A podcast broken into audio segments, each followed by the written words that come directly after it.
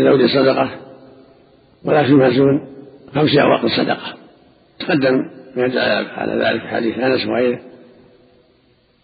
والأواق جمع وقية والوقية أربعون. يعني ليس من دون مئتي درهم صدقة. وليس من دون خمسمائة من صدقة. أقل صاب خمسمائة إذا كان أقل فلا زكاة فيه. إلا إذا كان للتجارة زكاة زكاة التجارة. وليس من دون خمسة أوسق وستون صاع. يعني ثلاثمائة صاع بصاع النبي صلى الله عليه وسلم ليس فيها صدقة من الحبوب والثمار التي تكال وتدخر كالتمر والزبيب والحنطة والشعير وغيرها مما يكال ويدخر من الأرز والذرة والدخن وغير ذلك. النصاب خمسة أوسق فإذا كان أقل فلا زكاة فيه إلا إذا كان للتجارة زكاة زكاة التجارة. حديث موسى ومعاذ لا تأخذ من صدقة إلا من الأصناف الأربعة. الشعير والحنطة والزبيب والتمر. هذا الحديث فيه نظر في صحة نظر. لأنه مخالف للأحاديث الصحيحة الدالة على وجوب الزكاة في جميع الحبوب. ولهذا تقدم حديث جابر حديثه في سعيد خمسة أوسط من تمر ولا حب.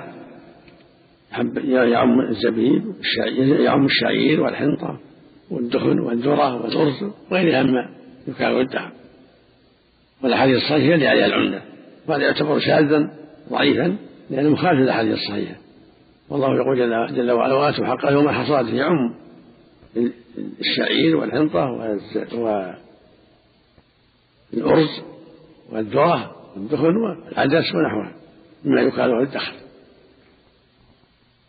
أما القثاء والبطيخ والقلب وما أشبه ذلك هذا لا زكاة فيه لأنه لا يكال ولا يدخر. طعام الحال طعام طعام الوقت الحاضر بطيخ أشباه من فواكه تؤكل في الحال ما تدخر. أما العنب فهو كالدمر زكى. إذا دبب وخمسة أوسق زكى كالتمر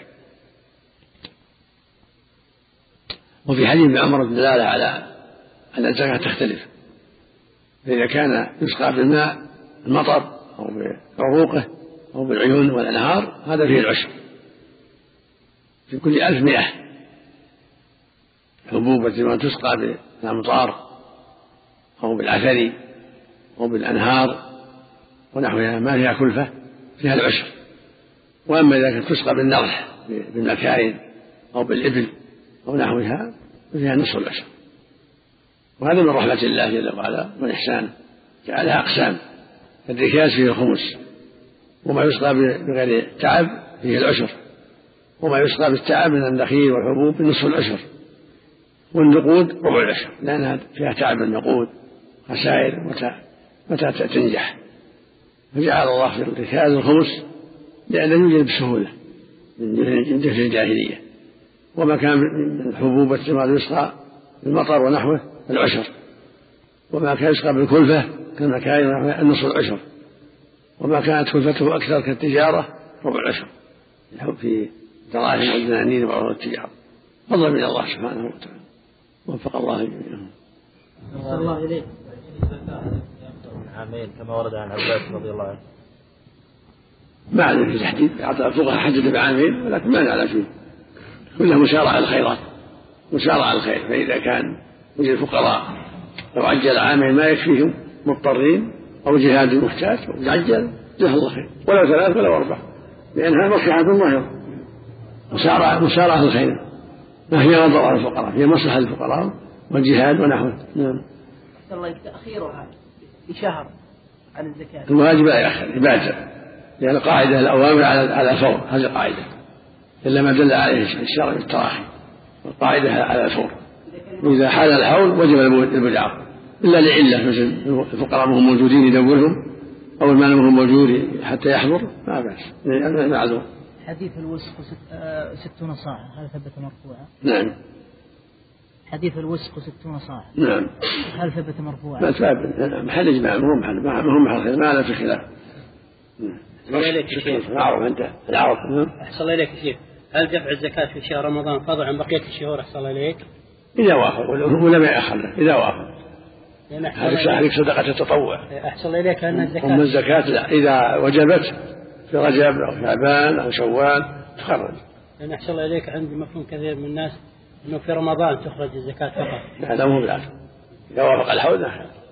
أو وافقت الحول آخر شعبان ما يخالف طيب أحسن إليك. ما رأي سماحتكم إذا حصل حريق؟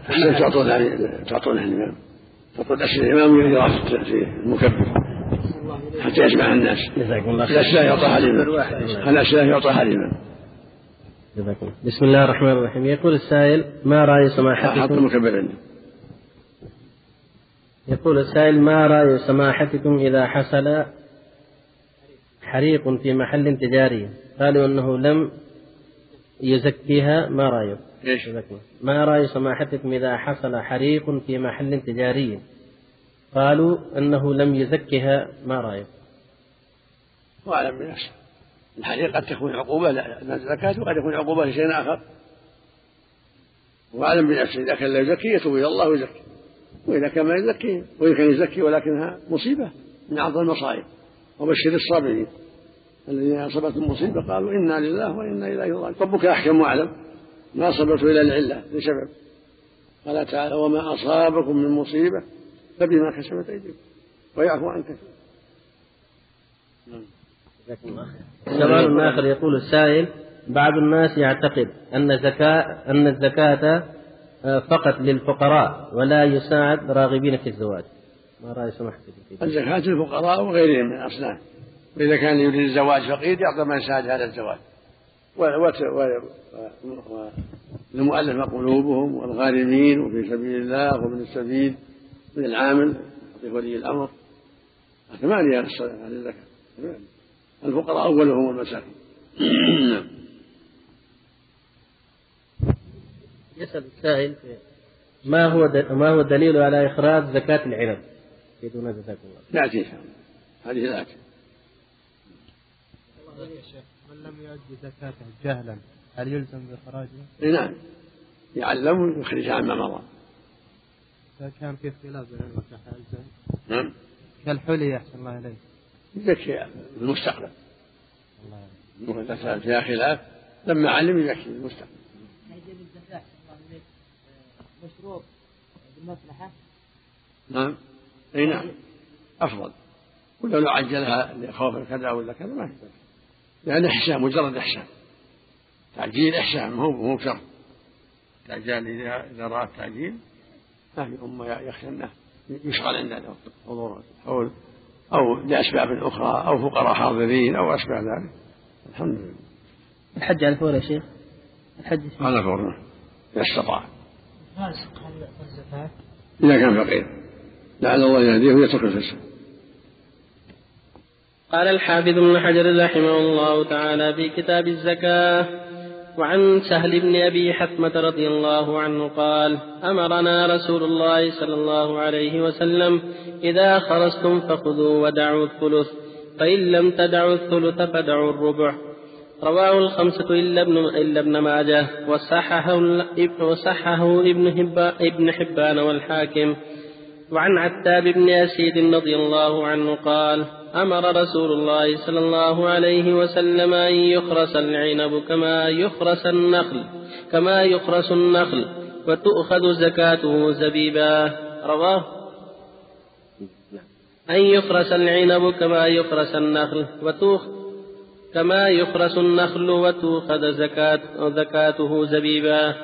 رواه الخمسة وفيه انقطاع وعن عمرو بن شعيب عن أبيه عن جده رضي الله عنهما أن امرأة أتت- النبي صلى الله عليه وسلم ومعها ابنة لها وفي يد يد ابنتها مسكتان من ذهب فقال لها أتعطين زكاة هذا؟ قالت لا.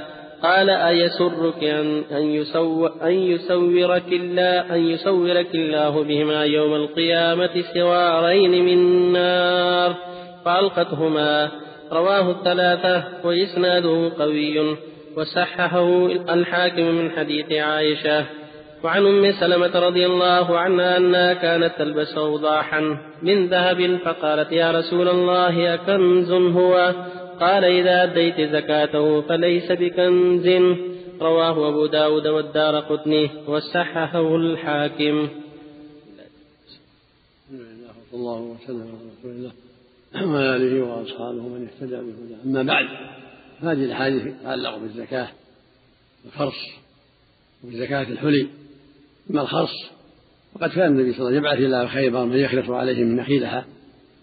والخرص جائز للحاجة والخرص مع تحري الثمرة لأن أهل الثمر يحتاج بالأكل منها والهدية منها وغير ذلك مما قد يعتريها من النقص.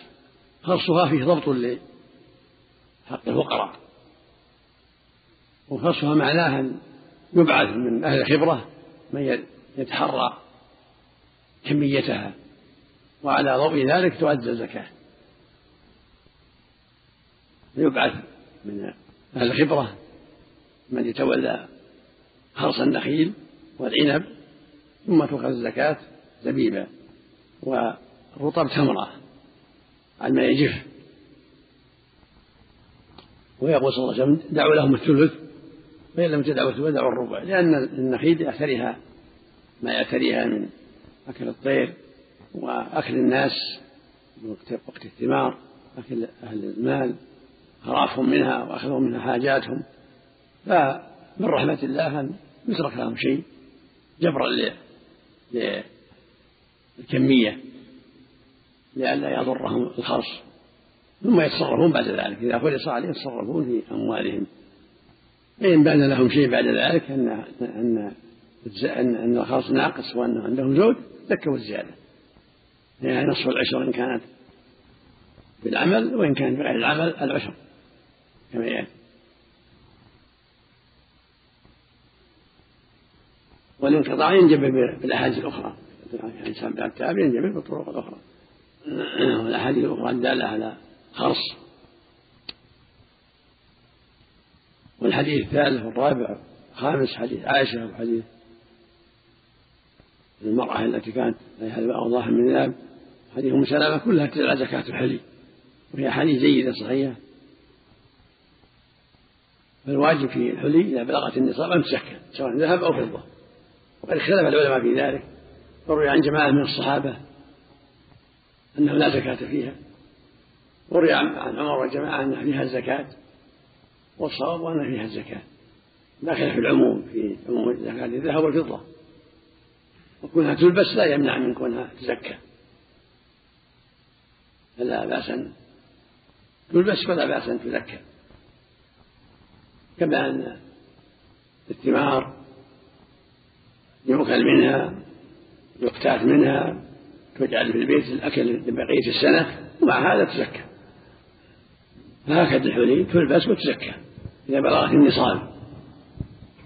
ونصاب الذهب عشرون مثقالا والفضة مئة وأربعون مثقالا. فإذا بلغت النصاب زكيت ربع العشر. للذهب والفضة كما هو معلوم. من كل ألف خمسة وعشرون. من أربعين ألفا ألفا. وإذا جاء النص وجب طبع الخلاف بمخالف النص حديث سلمة صحيح؟ حديث عائشة كذلك حديث صاحبة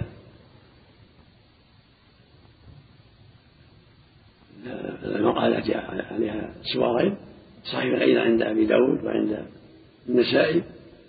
فهذه الثلاثة وما جاء في معناها مع الأدلة العامة في الذهب والفضة كلها تدل على وجوب الزكاة.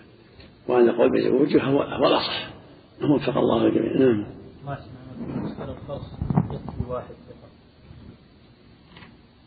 الظاهر انه يكفي لكن يحتيط باثنين يكون أحسن أحوط. مثل ما يكفي. من الاذان ليبلغ الناس دخول الوقت. لأن خبر عن ما يظن يعتقد. كلام أهل العلم في تضعيف. هل هو وجيه؟ لا لا بأس به جيد. طيب أحسن الله إذا كانت الثمرة لم يصبها شيء هل يترك لهم؟ إذا كانت الثمرة لم يصبها شيء. من باب التحريم من باب الاحتياط. من باب الاحتياط. يعتريه ما يعتريه نعم. يعتريه من الطير وغير الطير وأكلهم هم وغير ذلك. نعم. يترك لهم أحسن الله يتحرى يتحرى. الخالص الثلث والربع. نعم. ليس بالحلي زكاة طيب. حديث البيهقي لا يحتاج به نعم. إخراج زكاة الثمار بعد الخرص بالقيمة. بعض الناس أحسن الله إليك يكون له مزرعة يخرصها ثم يخرجها بالقيمة بعد الخرص بالقيمة. الواجب إخراج تمر هذا الواجب. لكن إذا دعت الحاجة مثل باعها باع التمر وأخرج الزكاة من القيمة لا حرج إن شاء الله. لأنه ما فيه تمر ولا يلزم يشتري تمر قد يكون أنفع للفقراء أيضا أو الدولة رأت ذلك أن أخذ التمر قد يشق على القائم بالعمل من جهة الدولة وأن هذا أنفع للفقراء من طريق الدولة ولا في الأصل زكاة المال منه من التمر من التمر من العنب من الإبل من الإبل من البقر من البقر وهكذا. هذا الأصل.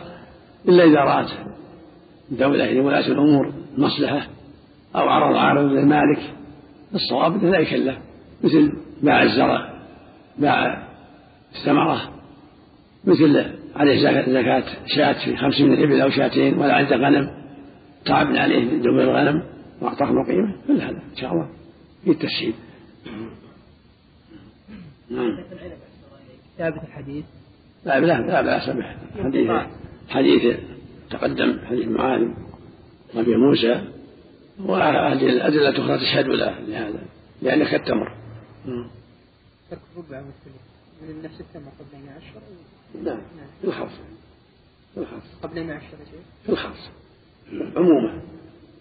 إذا ظنوا أن الجيش سميع يخلصون 600 وإذا أو يخلصونه إذا كان ظنه ألف يخلصون ثلاثة أربعة خمسة ثلاثة سبعين وخمسين وهكذا. يتحرون يتحرون باجتهادهم. إذا خرفت كل المزرعة يترك لهم الثلث والربع. نعم. إذا إذا خرفت كل المزرعة يترك لهم الثلث والربع. إذا بقيت المزرعة ما خرصت يزكون كلها. إذا بقي التمر على حال يزكون كلها. إنما هذا الاحتياط والرأفة بهم الرفق فإذا بقي التمر كلهم عندهم زكوه على ما هو عليه. ناقص ولا كامل؟ على حسب حاله. لكن هذا للتحري حتى لا يشق عليهم الأمر. حتى يأكلوا ويتصدقوا وهم مرتاحون.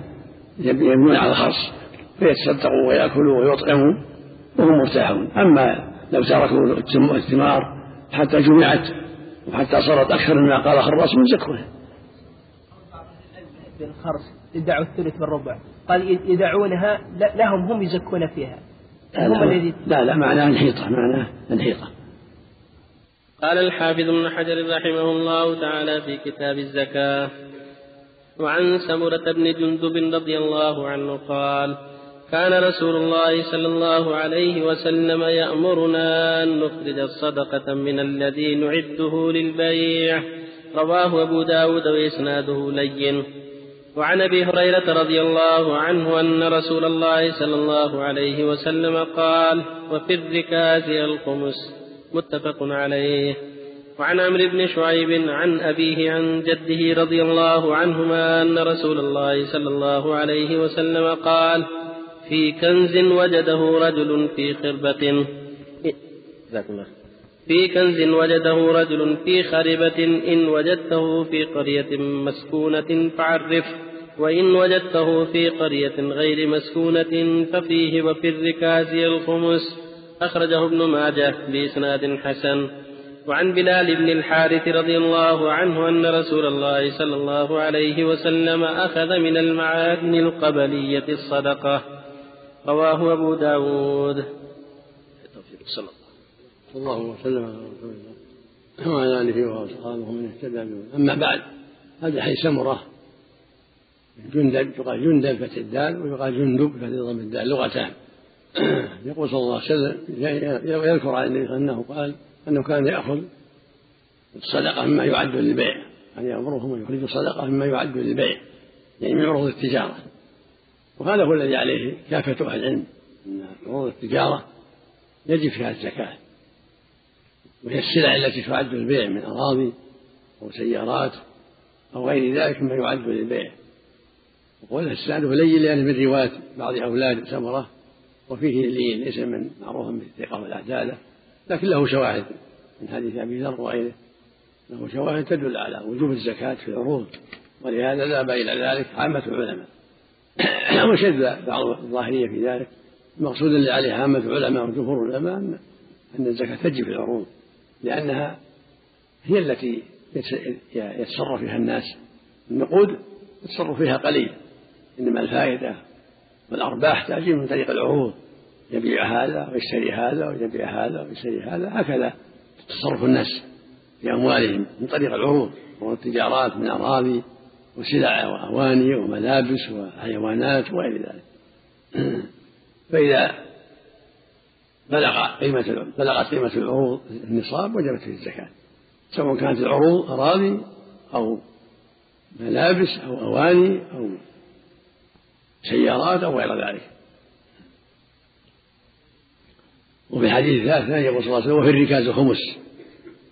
الركاز ما يوجد من دفن الجاهلية. من دفن الجاهلية الكفار. فيه خمس. فإذا وجد الإنسان دفن الجاهلية هذه علامة الجاهلية؟ أموال من ذهب أو فضة أو غيرها من دفن الجاهلية فيها الخمس في بيت المال. كما أن في ما سقي بغير كلفة العشر من الزكاة. وفيما سقي بالنضح والمكاي ونحوها نصف العشر. أما ما يكون في في النقود والتجارة ربع العشر من رحمة, من رحمة الله. كل ما قلت المؤونة صارت الزكاة أكثر. وكلما اشتدت المؤونة صارت الزكاة أقل. هذا من رحمة الله جل وعلا. ولما كان الركاز يحصل بسهولة صار فيه الخمس. ولما كانت الزروع والثمار تسقى بغير كلفة بالمطر والأنهار صار فيها العشر. وإذا كانت تسقى بالتعب والمكاين والحيوانات نصف العشر. وإذا كان من طريق التجارات ربع العشر. هذا من رحمة الله وتيسيره جل وعلا وإحسانه إلى عباده. الحديث الثالث حديث عمرو بن شعيب عن جده في رجل وجد كنزا بخربة. قال له المسلمين وجدته في قرية مسكونة فأعرفه لأن الظاهر لقطة المسلمين. يعرف أو معاهدين يعرف كاللقطة سنة يعرف سنة. فإن عرف إلا فهو لواجده أما إذا كان في قرية جاهلية غير مسكونة ففيه وفي الركاز الخمس إذا كان في قرية تعتبر جاهلية غير مسكونة فهم باب الركاز جنس الركاز. أما إذا كانت قرية المسلمين انتقلوا إلى محل آخر يعرف كسائر أموال المسلمين. الرابع حديث بلال في المعادن المعادن فيها الزكاة إذا بلغت النصاب. حديث بلال له طرق متعددة ومنها عن ابن عباس لسان جيد أيضا. كلها تدل على أن المعادن معادن الذهب والفضة فيها الزكاة وهكذا المعادن الأخرى إذا عدها للبيع عروض تجارة. فإذا كان المعادن ذهب أو فضة فإذا حال الحول على ما أخذ منه وجب فيه الزكاة. إذا وجب بلغ النصاب من ذهب أو فضة تجب فيه الزكاة.